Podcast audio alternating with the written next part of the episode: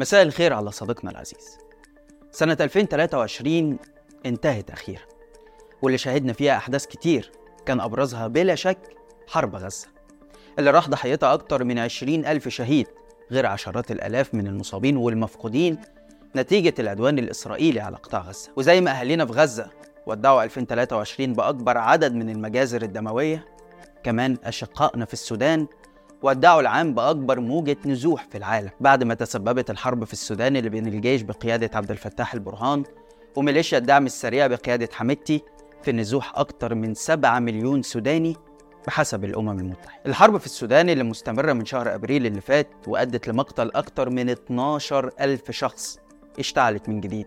وتحديدا في مدينة ود مدني عاصمة ولاية الجزيرة اللي تعتبر واحدة من أكبر وأهم المدن السودانية. مدينة ود مدني شهدت في الأيام الأخيرة قتال عنيف بين الجيش السوداني والدعم السريع. نتج عنها في النهاية انسحاب الجيش السوداني وسيطرة ميليشيات الدعم السريع عليها. ميليشيات الدعم السريع بقيادة حميدتي ما اكتفتش بالسيطرة على المدينة بل حولتها لمدينة أشباح بعد ما سرقت ونهبت كل شيء في المدينة من متاجر لمخازن لمنازل لسيارات ما خلوش حاجة. لكن الجريمة الأبشع اللي ارتكبتها قوات الدعم السريع هي الاعتداءات الجنسية والاغتصاب بحق النساء السودانيات اللي حكوا شهادات مروعة للجرائم اللي بتمارس بحقهم من قبل ميليشيا حميدتي. عدد من السودانيات وثقوا الشهادات دي لمنظمة أطباء بلا حدود وحكوا عن تفاصيل مروعة لمشاهد اغتصابهم أمام عائلاتهم في وضح النهار من قبل ميليشيات الدعم السريع. ودي نماذج من شهادته. إحدى الضحايا قالت إنها تعرضت لاغتصاب جماعي يوم 7 نوفمبر اللي فات من شخصين ينتميان لفرقة الأشاوس التابعة للدعم السريع وقالت إن عناصر الدعم السريع فضلوا يطاردوها في الشارع لحد ما دخلت بيتها وبعد ما سألوها عن امتلاكها لأي أموال قاموا بالاعتداء عليها جنسيا واللي تسبب في إصابات خطيرة بجسدها. شهادة تانية لأستاذة في المرحلة الإعدادية روت قصة اغتصابها أمام شقيقها الأكبر من قبل عناصر الدعم السريع عشان بعدها يسيبوها ويعتقلوا أخوها اللي مازال معتقل حتى الوقت الحالي. شهادة تانية لطالبة في جامعة بحري واللي قالت إن ميليشيات الدعم السريع خيروها بين قتل أمها قدامها أو اغتصابها. وقبل ما تجاوب أرغموها تحت تهديد السلاح على اصطحابهم لمنزل فارغ واغتصبوها. الجرائم اللي بتمارسها الدعم السريع يا صديقي العزيز تعتبر دولة الإمارات شريك أساسي فيها بسبب الدعم اللي بتقدمه للميليشيات السودانية من أول لحظة يا ترى إيه اللي بيحصل في السودان؟ وليه الإمارات بتساند ميليشيات الدعم السريع؟ وإيه تأثير اللي بيحصل في السودان على مصر؟ ده اللي هنحاول نعرفه مع بعض في حلقة النهاردة أنا عبد الرحمن عمر وده برنامج الحكاية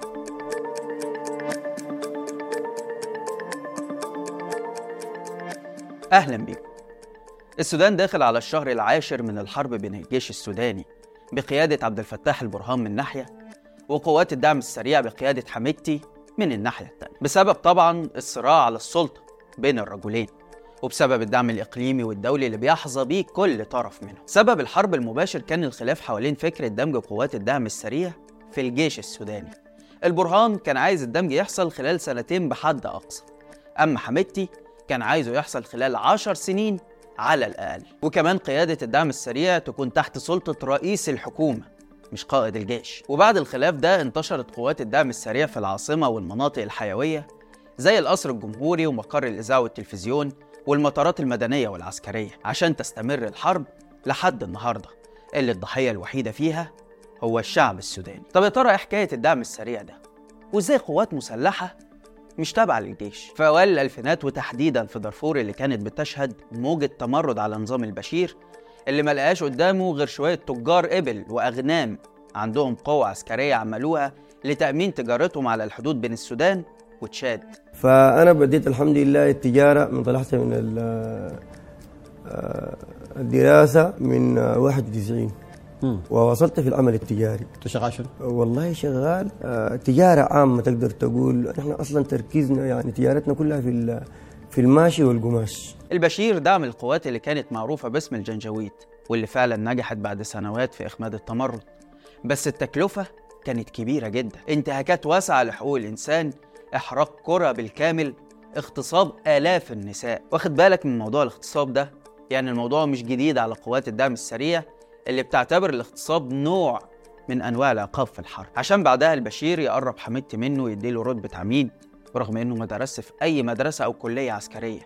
وقنن قواته اللي بقى اسمها الدعم السريع. وبقت تبع لجهاز الأمن والمخابرات. وبتضم أكتر من مئة ألف مقاتل يعني جيش كامل. والمضحك بقى إن البشير كان بيسمي حميدتي حمايتي.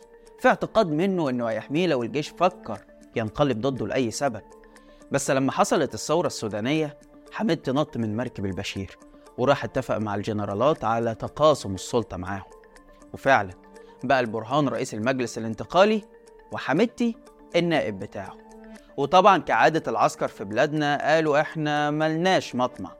ووعدوا بتسليم السلطة للمدنيين بس سرعان ما انقلبوا عليهم وأطاحوا بالحكومة المدنية قبل ما يتنافسوا هما الاتنين على زعامة السودان. طب يا ترى مين بيدعم حميدتي؟ حميدتي علاقاته متشعبة جدا. تاجر الإبل وصاحب مناجم الذهب بيحظى بعلاقات قوية مع الإمارات وإثيوبيا وروسيا وإسرائيل.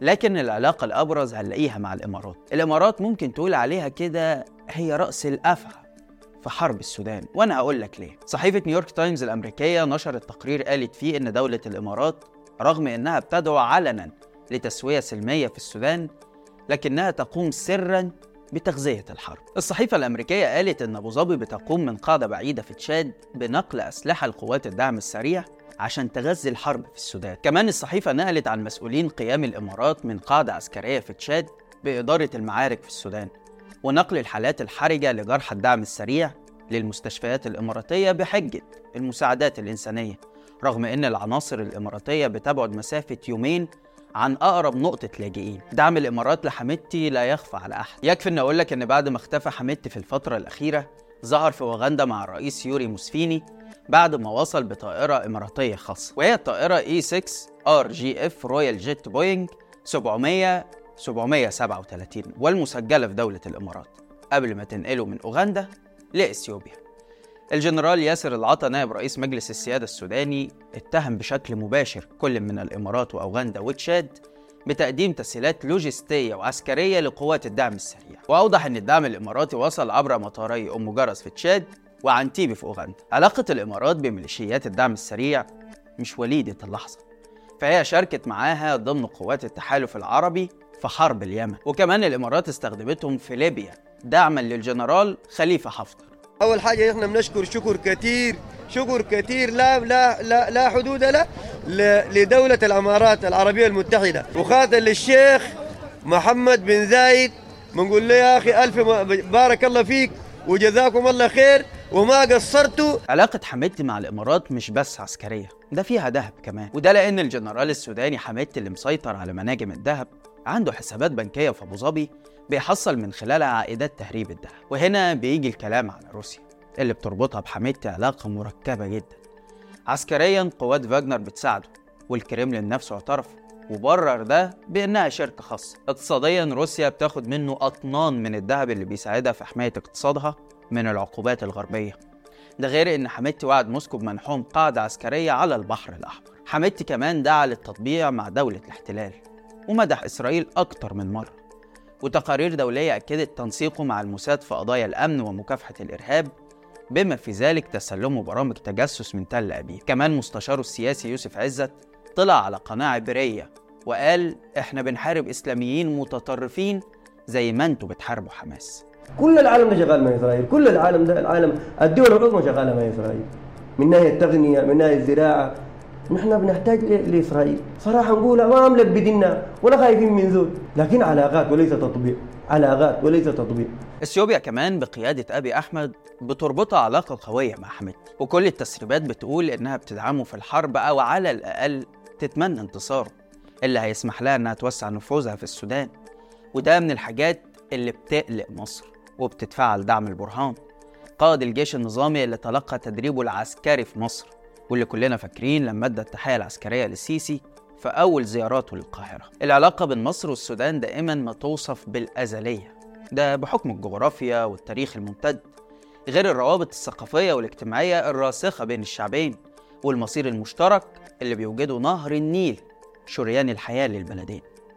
مصر والسودان اللي عاشوا في ظل دولة واحدة لسنوات طويلة شعب واحد يجمعوا دين ولغة وعادات وتقاليد متشابهة معرفوش الفرقة غير من حوالي 70 سنة بس لما استقل السودان عن مصر سنة 1956 السودان اللي بتقع على حدودنا الجنوبية استقرارها بيمثل جزء من الأمن القومي المصري فهل معقول نسيبها تقع في إيد نفوذ أجنبي إماراتي بقى ولا روسي أو إثيوبي؟ الحقيقة صديقي العزيز إن السيسي واخد موقف سلبي للغاية بيدعي إننا محايدين بس في الحقيقة إحنا قاعدين في مقاعد المتفرجين بينما كل الأطراف الإقليمية والدولية بتتدخل وبتحاول تحقق مصالحها وأبرزهم طبعا الامارات ولو نفتكر مع بعض في بداية الحرب في السودان تم احتجاز جنود مصريين من قبل قوات الدعم السريع. وشفنا فيديوهات بيتم الهجوم والاعتداء عليهم بشكل غير مقبول. وحتى بعد ما رجعوا بالسلامة ولسه هنقول تسلم الأيادي نلاقي النظام منزل بيان شكر لدولة الإمارات ويقول إنها ساعدتنا في إعادته يعني الإمارات اللي في قارة تانية جاية تساعدنا على استرداد جنودنا اللي في السودان. للدرجة دي دورنا الإقليمي تراجع ودور دول خليجية زي الإمارات خدت مكاننا. وحفتر اللي كنا بنساعده عشان يسيطر على ليبيا بيهدد مصالحنا في السودان وإحنا ملناش كلمة عليه. طبعا إحنا هنا مش بنقول خالص إننا نتدخل في الصراع السوداني بس مش معقول الإمارات تكون كسر عينينا لدرجة إننا مكسوفين نعبر عن مصالحنا اللي هي في نفس الوقت مصالح إخواتنا في السودان.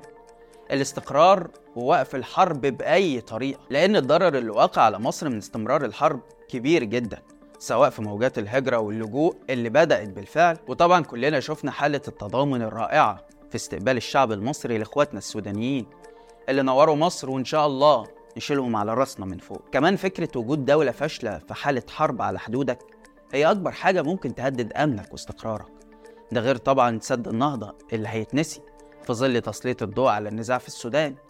وفي حالة انتصار حميدتي مثلا فده هيكون تعزيز لنفوذ إثيوبيا والإمارات واللي الحقيقة أغلب مصالحهم بتتعارض مع مصالح مصر. غياب دور مصر الإقليمي ما بقاش جديد علينا خلاص في عهد السيسي. وكلنا شايفين في حرب غزة إزاي دورنا تراجع. وبقت دول تانية بتاخد دور الوساطة مننا رغم إن القضية الفلسطينية كانت دايما حكر على مصر. طول السنين اللي فاتت. وشفنا كمان الخطر اللي بيهدد مصر من الاحتلال الإسرائيلي اللي بيحاول يحتل محور فيلادلفيا باعتراف نتنياهو نفسه.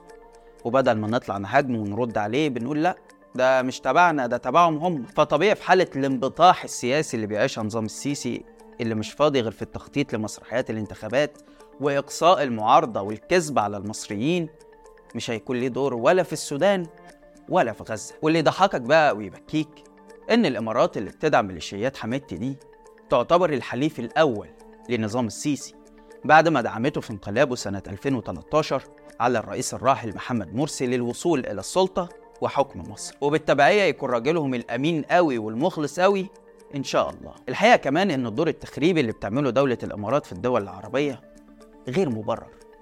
من سرقة أراضي وخيرات اليمن زي موضوع جزيرة سقطرى لدعم ميليشيات حفتر في ليبيا وأخيرا الهجوم على المقاومة الفلسطينية ودعم الاحتلال الإسرائيلي. زمان كنا دايما نسمع عن مصطلح أن إسرائيل شوكة تركها الاحتلال الإنجليزي في ظهر العرب. لكن النهاردة الشعار أصبح مختلف تماما وبقت الإمارات شوكة في ظهر تطلعات وحريات الشعوب العربية. في النهاية بنتمنى كل السلامة لأهلنا في غزة والسودان. وإن سنة 2024 تحمل كل الخير ليهم. وتكون شاهدة على نهاية حروبهم. ونختم بجزء من قصيدة الشاعر المصري عباس الصهبي بيقول فيها كفى للعروبة أحزانها دمار يعانيه سودانها. بلاد النخيل وأرض النماء بنيلين تفخر شطآنها. ومهد الحضارة مجد الكرامة أخلاقها الشم عنوانها. أبناؤها السمر بيض القلوب شهامتهم أين أقرانها؟ فماذا جرى كي يشيع الدمار وللفتن الشؤم أعوانها؟ بس كده لحد هنا والحلقة خلصت. شارك الحلقة لو عجبتك وتابع حساب شباك وحسابي على الإنستجرام هتلاقي اللينك في الوصف. واستنانا كل يوم اتنين وجمعة الساعة 7 بالليل بتوقيت القاهرة في حلقة جديدة من برنامج إيه الحكاية؟ سلام.